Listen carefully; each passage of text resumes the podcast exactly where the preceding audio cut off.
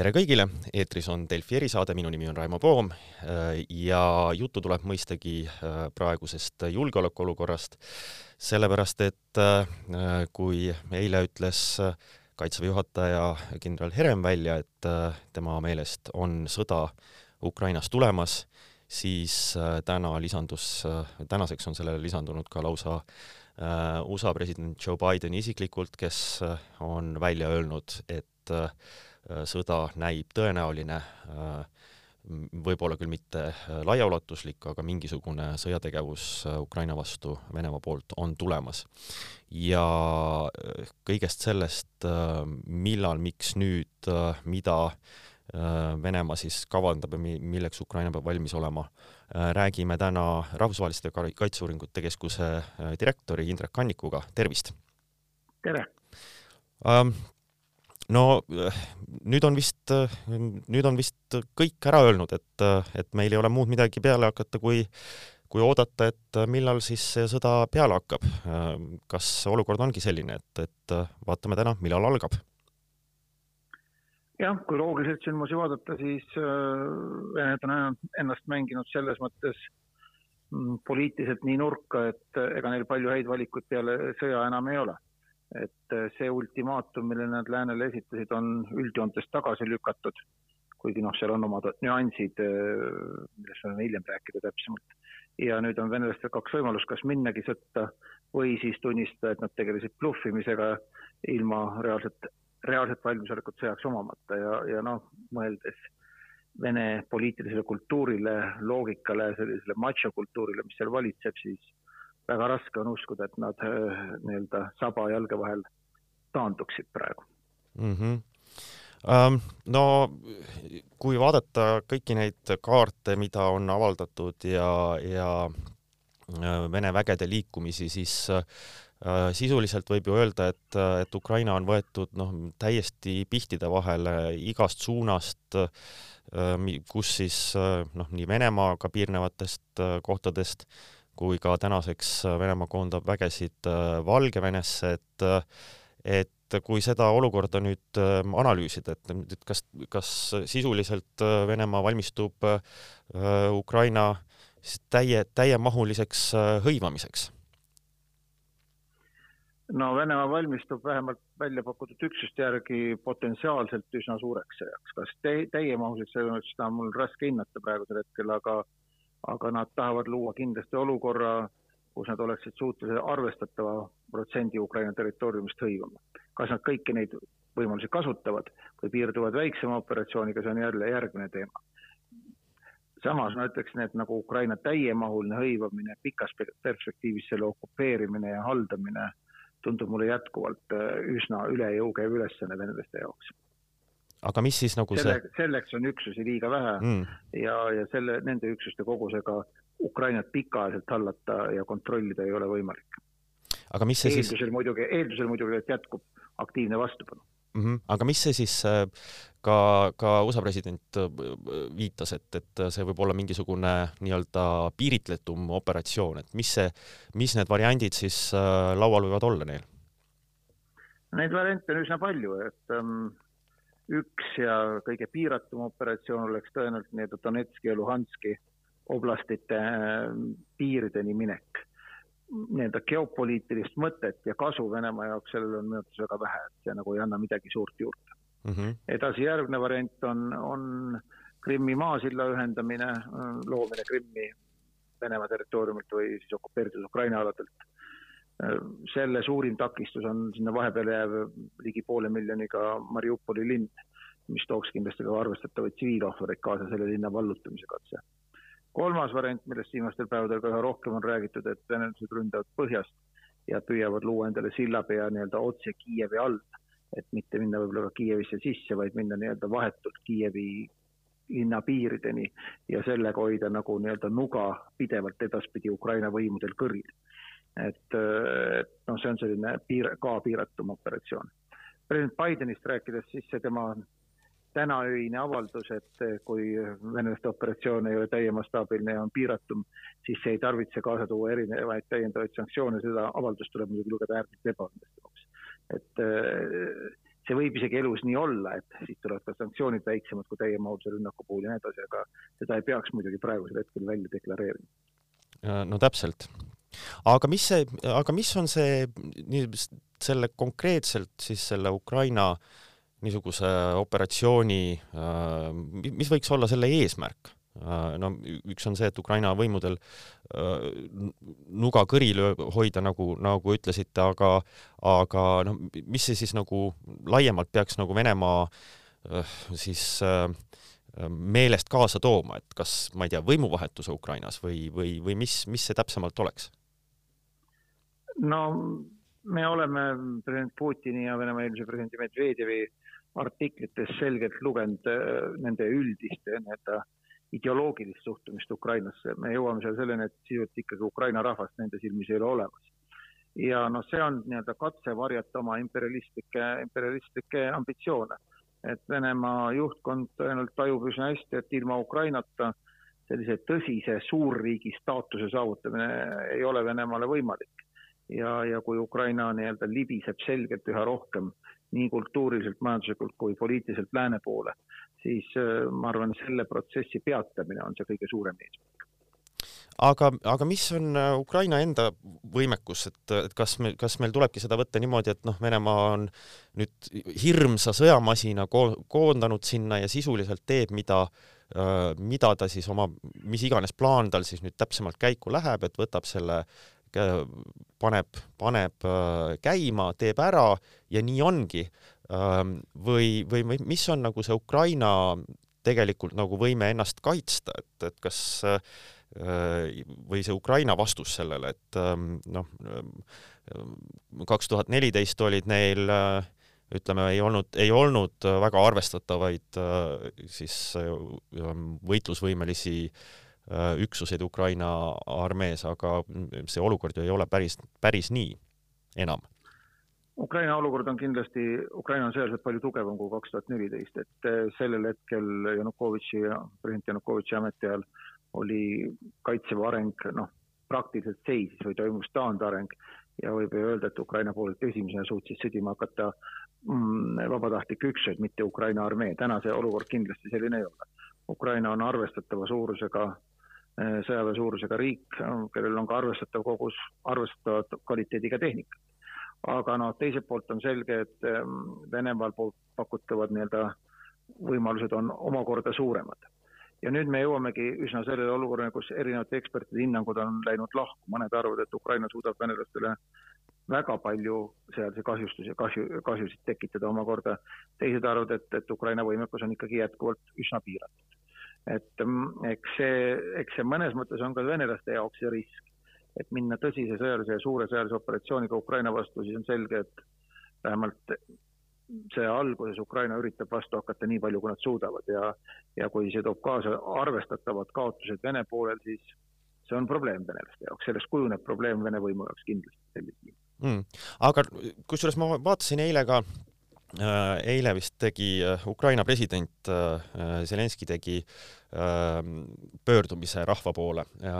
Ja sellest omakorda see oli niisugune väga rahustava tooniga, et seal polnud üldse mingisugust niisugust noh, ütleme niisugust mingit paanikat. Ja kui vaadata, siis, siis äh, Ukraina ei ole ka noh, vähemalt, vähemalt äh, niimoodi pealkirju sirvides äh, niisuguseid väljapaistvaid meetmeid valmiduse tõstmiseks teinud, ei ole olnud mobilisatsiooni, ähm, ei ole või võib-olla on olnud, eks ju, kindlasti on olnud rohkem õppuseid ja nii edasi, et, et et kas nad vaatavad seda liiga rahulikult, seda lihtsalt, kuidas, kuidas, kuidas neile kallaletungi ette valmistatakse? Ma ei arva, et nad rahulikult vaatavad, aga nad on säilitanud äh, rahuliku retoorilise positsiooni ja osaliselt see tuleneb sellest, et nende lähtepositsioon on see, et me oleme olnud sõjas alates kahe tuhande neljateistkümnendast aastast sõja intensiivistumine on ebameeldiv, aga me oleme selleks valmis ja me oleme sellega kogu aeg arvestanud. et see võib intensiivistuda ja Venemaa agressioon võib eskaleeruda. et nad on selles mõttes ütleme sellise fatalistlikuma suhtumisega kui lääneriigid, et lääneriikide soov iga hinna eest diplomaatilisi lahendusi otsida eh, on kohati väga ohtlik. et see iga hind võib teatud hetkel osutuda kõrgemaks kui isegi sõda ise.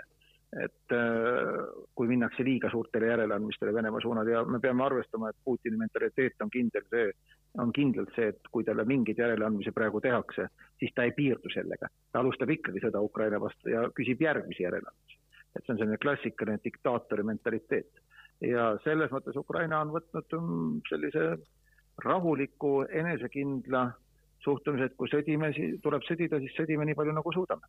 aga kas sellest siin noh, Eesti, Eesti äh, on, äh, Eestigi on pakkunud äh, ja andnud abi näiteks Javelini äh, süsteeme saatnud äh, Ukrainasse ja nüüd äh, viimastel päevadel on äh, Suurbritannia tarninud sinna laskemoona, et, et kas, kas need on niisugused pigem, pigem noh, ütleme seda ohtu arvestades niisugused väikesed žestid või on neist ka mingi, midagi kasu selle Ukraina kaitsevõime tõstmisel?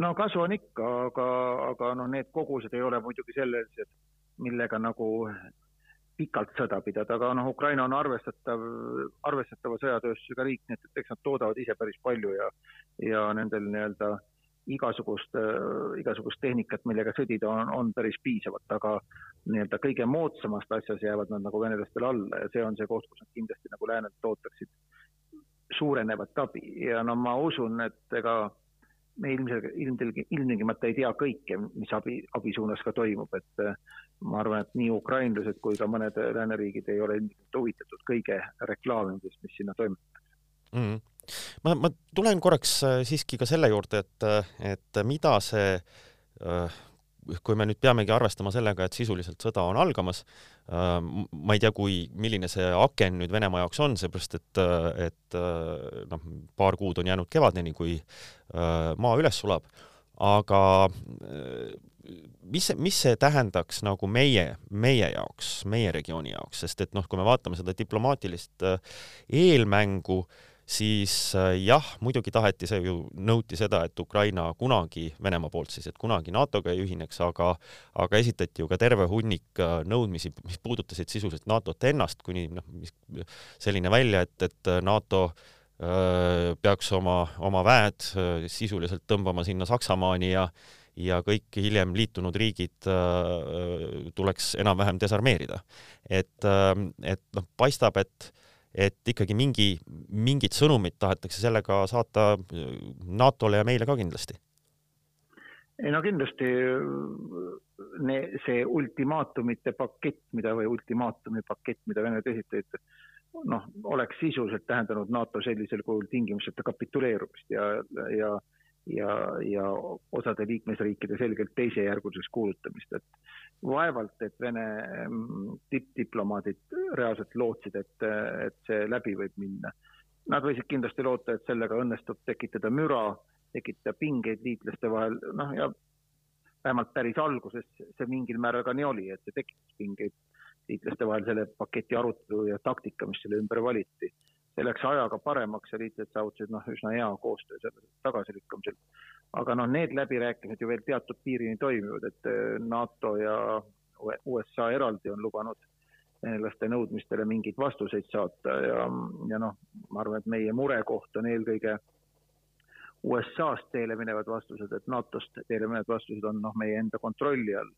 Ja ameeriklased on arusaadavalt seal flirtinud ideega ikkagi õppuste arvu vähendamise osas eh, NATO, NATO idaaladel, tõsi, ameeriklaste arusaamas peaks ka venelased oma territooriumil õppuste arvu vähendama, aga noh, venelastega sellise kokkuleppe sõlmimine äh, ole, kuuluks täitmisele ainult ühelt poolt, venelased ei täidaks seda nagunii, Putini mhm. režiimilt lootust, et ta täidaks tadalasi kokkuleppeid. noh, seda ei juhtu ja lisaks on kohapeal nagunii venelastel olemas nii arvestatav sõjaline kogus, et, et isegi nad ei pea seda nii-öelda õppustega lisa tooma õppuste käigus neid, et kui me ütleme kas või Lugas või, või, või, või Kaliningradis või, või Pihkvas olevatele üksustele, siis need on meie mõistes ikka väga-väga suured üksused. et äh, see oli kindlasti laual venelaste poolt, aga kui nüüd, kui nüüd Venemaa peaks äh, agressiooni laiendama Ukraina suunal, siis noh, on üsna selge, et äh, julgeolekuolukord on kogu regioonis veelgi harvenenud ja, ja, ja, ja ma arvan, et see eeldab eeldab liitlaste lisaüksuste paigutamist siia regiooni, et hoida, hoida mm, latti kõrgemal venelaste jaoks edasise agressiooni toimepanekuks regioonis mm,. aga äh, on, on see, on see teema siis ka laual äh, NATO-s näiteks no kui me vaatame ameeriklaste avaldusi, siis seda on nad nagu suhteliselt selgelt öelnud, et äh, kui agressioon toimub, siis tuleb täiendavalt mõelda idapoolsete NATO liikmesriikide kaitse tugevdamisele hmm.. aga mis me, mis me ise saaksime teha veel selles mõttes, et, et ähm, noh, üks asi on siin valitsus äh, just eile otsustas äh, äh, nii-öelda siis lisa, lisakulutuste paketi meie kaitsevõime tugevdamiseks, et, et kas sellele on veel lisaks, mida me, midagi me saaksime teha? see on kindlasti väga positiivne ja see oli ikkagi arvestatav, arvestatav summa, et kui me võtame, et see on nelja aasta peale iga aasta enam-vähem sada miljonit eurot, siis meie riigikaitse eelarve mahtu arvestades on see ligi viisteist protsenti iga aasta juurde mm. planeeritud, et et kokkuvõttes päris suur, päris suur summa ja väga tervitatav. aga no mida me saame teha, me saame jätkata diplomaatilisi püüdlusi eelkõige selle nimel, et, et lääneliitlased oleksid võimalikult üksmeelsed ja teisalt selle nimel, et mm, kui, kui Vene nii-öelda agressioon eskaleerub, siis siis täiendavalt ja kiiresti toetada Ukrainat erinevate relvadega, et see hinnad venelastele, et selle agressiooni hind venelastele võimalikult kõrgeks viia ja siis loomulikult jätkata sanktsioonide poliitikat Venemaa suunas mm. -hmm. aga kas äh, meil mingisugust sellist ohtu ei ole, et, äh, et ütleme, Äh, kui Venemaa äh, läheb täiesti sõjategevuse peale Ukrainas, et, et üritatakse ka siin, siia suunda mingisugust uut sasipundart ku, kududa, nii nagu tehti näiteks seal Poola ja, ja Leedu piiril Valgevenega. No see võimalus venelastel on vaieldamatult sellise hübriidprobleemi loomine nagu loodi Poola ja Leedu piirile, on, on venelaste võimuses. et kui nad tahavad hakata, hakata saatma migrante piirile, siis see, see võimalus nendel on vaieldamatult olemas. siiamaani nad on seda vältinud mm, ja kasutanud selleks pigem Valgevenet, noh, kelle huvidega on samamoodi kokku langenud, aga mm, ei ole garantiid, mis, mille põhjal me saaksime öelda, et seda ei juhtuks. et ainuke garantii on olla paremini valmis ja kiiremini valmis, kui olid Poola ja Leedu, kuigi kokkuvõttes said Poola ja Leedu selle kriisiga üsna hästi hakkama ja näitasid, et, et selline asi lihtsalt ei toimi, kui olla piisavalt enesekindlalt ja jõuliselt vastu sellele tegutseda. ja piisavalt resoluutselt, täpselt. ja piisavalt resoluutselt, jah ähm,. kui ähm, ma jõuan sinna alguse juurde veel korraks tagasi, et, et ähm, milline see väljavaade seal selle sõjalise äh, siis või milline see aken seal selle sõjalise tegevuse alustamiseks või läbiviimiseks neil on, et, et ma korraks ka mainisin, et et noh, praegu on juba jaanuari keskpaik, tegelikult ma arvan, noh, Ukrainas võib-olla isegi paar nädalat, kuu varem sulab maa üles, Äh, läheb natuke mudaseks, see on see aeg, kus põllutöid tavaliselt tehakse, et aga mis ei ole väga sobiv äh, sõdimiseks, et et mis see, mis see ajaaken nüüd äh, Venemaa arvestustes võib olla, et ähm, et on see nüüd enne olümpiamänge või veel või, või pärast? maastikku, Ukra-, Ukraina maastikku ja kliimat tundvad inimesed ütlevad, et, et hea sõjategevuse aeg maastikul lõpeb ikkagi umbes märtsikuuga ära Ukrainas mm. -hmm et äh, ja tänavune talv on olnud keskmisest soojem, nii et, et see võib olla isegi veel lühem see aeg. et no ma arvan, et operatsiooni alustamiseks eeldusel, et nad ei arva, et operatsioon on läbi kahe-kolme päevaga, mm, on ikkagi ülim aeg nädala-kahe jooksul, et selles mõttes see aeg jõuab kätte, kui nad peaksid operatsiooniga alustama, kui nad seda teevad enne, enne maikuud, kuna mais on jälle teoreetiliselt need võimalused uuesti olemas. et märts ja aprill on need liiga pehme maastikuga ajad mm. -hmm. mis tähendab seda, et meil on ees äärmiselt pingelised äh, paar nädalat äh, ja, ja kõikide märkide järgi äh, üsna, üsna mustaks kujuneda võivad nädalad, millel me kindlasti Delfis ja Delfi erisaates silma peal hoiame. aga ütleme praegu aitäh Indrek Kannikule ja Delfi erisaade on taas eetris juba homme, aitäh kuulamast!